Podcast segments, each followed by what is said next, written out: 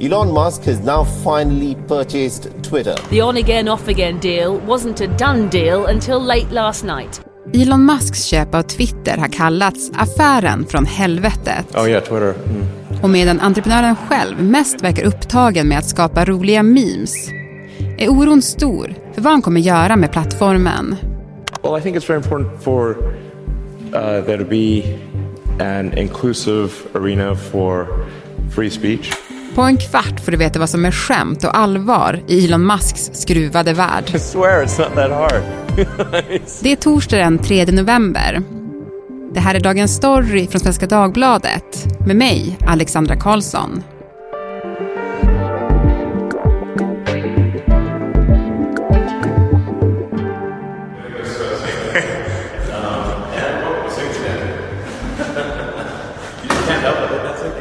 Erik Wisterberg, techreporter här på Svenska Dagbladet.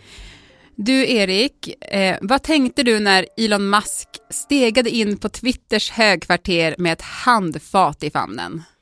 Ja, jag skrattade ju rakt ut.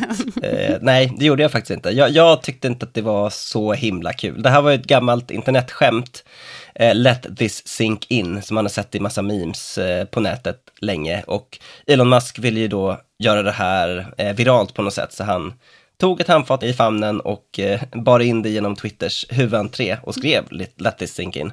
Jag vet inte riktigt vem det där var riktat till, om det var till de anställda som funderade på om de skulle få sparken, eller om det var till omvärlden. Men jag vet inte, jag tycker att han, en, en person med hans intelligens kanske borde kunna komma på något lite mer kul, mm. tycker jag. Ja, det var, lite bes- det var lite besviken. Du tänkte att han, han, har en nivå över det där?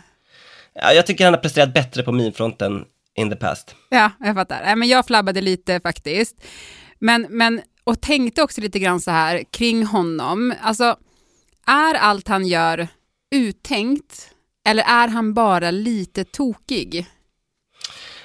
Både och tror jag. Jag tror att i hans entreprenörskap, eh, där har han ju en väldig briljans och där tror jag att han är en väldigt duktig strateg som tänker igenom saker mycket noga.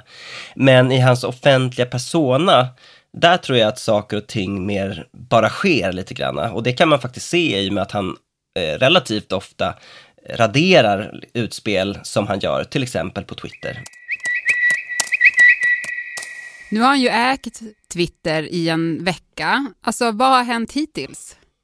Ja, vad har inte hänt hittills? Eh, det har varit väldigt mycket surr eh, kring den här plattformen och Elon Musk och han har gjort alla de här sakerna som man trodde han skulle göra, alltså sparka vdn, sparka ledningsgrupp, slänga ut styrelsen och liksom börja spotta ur sig eh, mer eller mindre genomtänkta utspel kring vad han ska göra. Men två lite mer viktiga saker har också kommit ut. Det ena är att Elon Musk tänker sig att han skapar ett slags modereringsråd som ska fatta beslut om viktiga innehållsfrågor och återaktiveringar av nedstängda konton. Och det här betyder ju att fram tills att det här rådet är skapat och igång så kommer Twitter inte fatta något beslut om till exempel Donald Trump, om han ska få komma tillbaka till plattformen eller inte. Så där är ett försök att hantera den frågan på ett ja, seriöst sätt och, och kanske ta bort den här pressen på Elon Musk själv kring just Donald Trump. Det andra är ju kring affärsmodellen, att man ska behöva betala för att vara en så kallad verifierad användare, alltså att egentligen att din identitet är säkerställd, att du är den riktiga Alexandra Karlsson och att jag är den riktiga Erik Wisterberg. Eh, det här har ju varit gratis tidigare, men nu ska man då för att behålla den behöva betala, säger Elon Musk, upp till 20 dollar i månaden, eh, sa han först. Men sen så twittrade Stephen King, han skräckförfattaren, att han tyckte det var för dyrt och då sa Elon Musk att det kanske kunde bli 8 dollar istället. okay. men, men, men, om man ska ta, det, ta lite allvar på det där, så här, han måste ju skapa mer intäkter för Twitter. Burrows furniture is built for the way you live. From ensuring easy assembly and disassembly to honoring highly requested new colors for their award-winning seating, they always have their customers in mind. Their modular seating is made out of durable materials to last and grow with you. And with Burrow, you always get fast, free shipping. Get up to 60% off during Burrow's Memorial Day sale at burrow.com slash ACAST. That's burrow.com slash ACAST. burrow.com slash ACAST.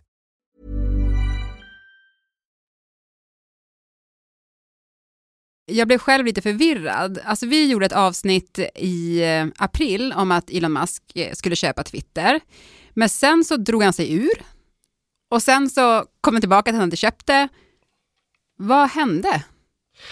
Ja, det har hänt så himla mycket där, så vi ska inte trötta ut lyssnarna med allt. Jag tror att liksom, den springande punkten här är ju att Elon Musk la ett bud i april. Sen efter det så har värderingarna på liknande bolag, alltså annonsfinansierade sociala medier, rasat. How much did he overpay? Uh, a lot. He overpaid probably by $20 billion, give or take. Yeah. But you know what? He said the reason I acquired Twitter is because it's important to the future of civilization. Så att Elon Musk kände sig nog eh, lite, vad ska man säga, kanske lite blåst av sig själv. Eh, att han insåg att så här, nu håller jag på att betala alldeles, alldeles för mycket pengar. Så att han bestämde sig då att han ville ta sig ur affären och, och sa att det berodde på att Twitter har så mycket falska konton och bottar. Han blev sen stämd av Twitter och man började komma till en punkt där Elon Musk kanske skulle behöva vittna under ed. Och då bestämde han sig helt plötsligt för att han ändå tänkte genomföra det här köpet. Det här är inte första gången som Elon Musks bolagsidéer väcker uppmärksamhet. Här är ett urval av fler spektakulära projekt signerade superentreprenören. SpaceX, ett rymdbolag vars mål är att kolonialisera Mars. self-sustaining civilization on Mars. It would be the greatest adventure ever. Tesla, bilmärket som revolutionerade elbilsindustrin. This is Tesla. Hyperloop, en infrastruktur av vakuumtunnlar där människor ska kunna transporteras i tusen kilometer i timmen. Elon Musk promises 29 minutes from New York to DC. Neuralink, en teknik där ett mikrochip i hjärnan ska få oss att kunna styra datorer med tankarna. Play your favorite albums in your head and download your brain to a computer. Att göra det omöjliga har ju varit hans grej och det är svårt att vad ska man säga, räkna ut en entreprenör som har den typen av CV. Men allt han har gjort har väl inte varit lyckat? Nej, inte allt såklart. Hyperloop är ju ett exempel som folk brukar eh, ta upp. Någon slags eh, jättevakuumtub där man ska liksom färdas i tusentals kilometer i timmen om jag förstår det rätt. Eh, det har ju inte blivit verklighet. Men påfallande mycket han har gett, gett sig i kast med har ju faktiskt eh, lyckats mot, eh, mer eller mindre mot alla odds. Men om vi tar Twitter då, alltså Twitter är ju inte direkt någon kassako. Och vad vill han göra Twitter till?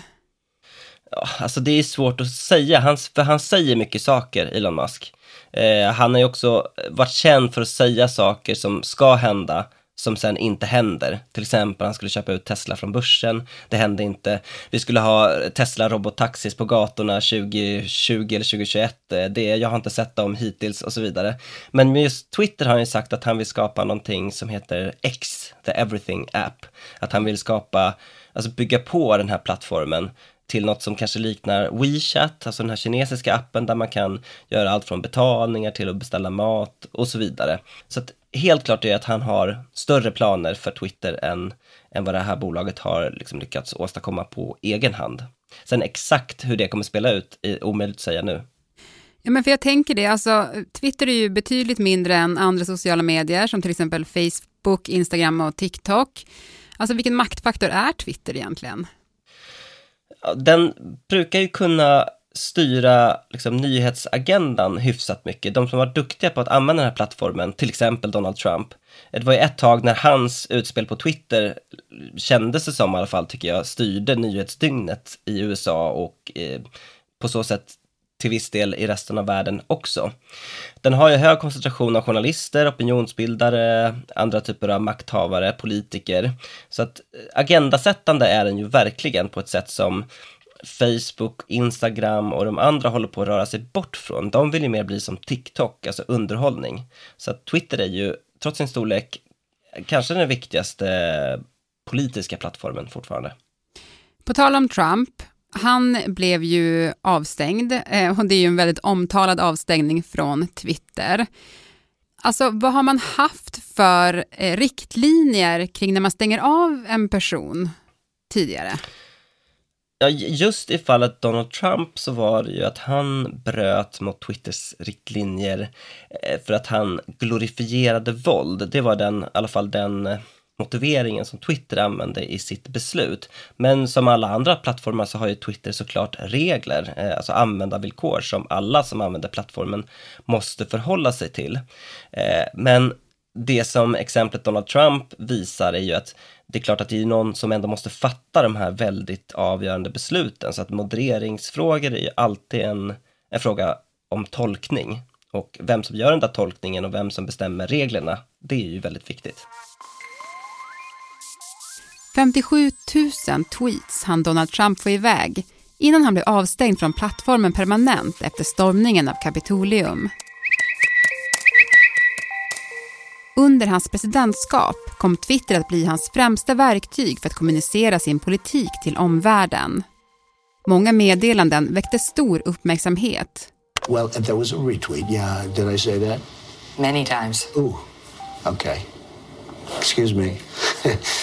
Och ibland var det svårt att veta hur seriöst man skulle tolka dem. Var det officiella uttalanden från USAs president? Eller bara en ensam mans tankar? Som när han gav sig på skådespelaren Meryl Streep och twittrade att hon var en av de mest överskattade skådespelarna i Hollywood. Anledningen? Streep hade i ett tal på Golden Globe sagt så här. When the person asking to sit in the most respected seat in our country imitated a disabled reporter. Eller tweeten där han kallade Nordkoreas ledare Kim Jong-Un för Little Rocket Man. Little Rocket Man. Eller när han en sen natt introducerade ett helt nytt ord. Kofif. Kofefi. Kofif. I hear kofefi. Du sa där i början att det, att det skulle komma in någon, något modereringsråd som skulle besluta om Trumps framtid, att Elon Musk hade, han skulle inte göra det själv helt enkelt. Men vad tror du, kan vi anta att Trump kommer komma tillbaka till Twitter? Ja, jag skulle bli förvånad om han inte kom tillbaka i och med att Elon Musk har varit tydlig själv med att han tyckte att det var fel att stänga av honom. Han har varit tydlig med att han vill att Twitter ska vara liksom en öppen arena, ett, eh, ett, som ett digitalt torg där alla åsikter är välkomna. Han vill ju liksom återupprätta yttrandefriheten och komma bort från den här utvecklingen där man ser att det börjar växa fram liksom höger sociala nätverk och vänster eh, sociala nätverk. Eh, den polariseringen vill han ju komma bort från. Så att jag skulle bli jätteförvånad om inte Donald Trump kommer tillbaka. Elon Musk brukar ju beskriva sig själv som någon form av yttrandefrihetskämpe, men hur ska man tolka det? Alltså, kommer det inte finnas någon gräns för vad man kommer kunna få skriva? Eller vad tror du? Vad, vad betyder det? Jo, men alltså nu kommer vi att se samma sak som händer med den nya regeringen, att de måste leva upp till sina vallöften. Samma sak kommer hända med Elon Musk nu, att nu möter ju hans liksom, utspel verkligheten. Och något av det första som han gjorde, det var ju att rikta sig mot Twitters annonsörer för att eh, försäkra dem om att Twitter inte kan bli ett citat, free for all hellscape where anything can be said with no consequences. Så att eh, han är ju liksom, ja, nu måste han väga sina ord lite mer noga för att inte fjärma då annonsörerna som är Twitters enda eh, stora intäkt i dagsläget. Så att det kommer nog finnas regler. Sen hur de kommer se ut, ja det får vi se. Alltså det är ju många som kan, kan skratta åt Elon Musk, för han gör ju rätt flippade grejer hela tiden. Men samtidigt är ju också många oroliga för att han nu äger en plattform som just Twitter och vad det kan innebära. Alltså Erik, vad gör du? Skrattar eller gråter du? Eller är det någonting däremellan? Jag är ju sån här uh, reporter, så jag är ju helt känslokall. Just det. Bara sitter och analyserar faktan. Nej men skämt åsido, det, det finns en allvarlig klangbotten i det här. Elon Musk får ju ensam kontroll över Twitter. Det kommer ju troligen betyda att han tillsätter styrelse, han bestämmer och jag tror att det kommer vara ganska få som har modet att sätta sig upp mot honom eftersom han förmodligen kommer sparka de som inte vill vara med på hans vision. Och det är lite samma problem som även Meta, alltså Facebook och Instagrams ägare har, att även om det är ett börsnoterat bolag så är det Mark Zuckerberg ensam som sitter på röstmajoriteten i det bolaget, vilket till syvende och sist gör att det är han som bestämmer själv över vilken verklighet som ska möta över 3 miljarder användare. Så att eh, just den här, om man liksom lyfter blicken, den här insikten om att det är enskilda personer av mer eller mindre eh, liksom galen entreprenörskaraktär som har ensam makt över vår tids eh, digitala torg. Den tycker jag att man kan fundera mycket på framöver. Tack så jättemycket Erik för att du var med i Dagens Story. Burrow's furniture is built for the way you live. From ensuring easy assembly and disassembly to honoring highly requested new colors for their award-winning seating, they always have their customers in mind. Their modular seating is made out of durable materials to last and grow with you. And with Burrow, you always get fast, free shipping. Get up to 60% off during Burrow's Memorial Day sale at burrow.com slash ACAST. That's burrow.com slash ACAST. burrow.com slash ACAST. Tack! Klippen i programmet kom från Channel 4, Wion, National Geographic, Today, Interesting Engineering, ABC News, Wall Street Journal och Washington Post.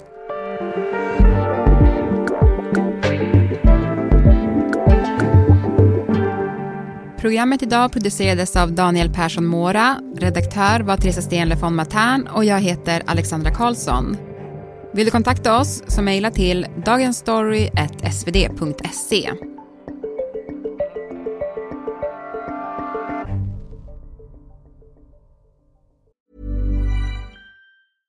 This Mother's Day, treat mom to healthy, glowing skin with Osea's limited edition skincare sets. Osea has been making clean, seaweed infused products for nearly 30 years. Their advanced eye care duo brightens and firms skin around your eyes, while the Golden Glow Body Trio nourishes and smooths skin all over.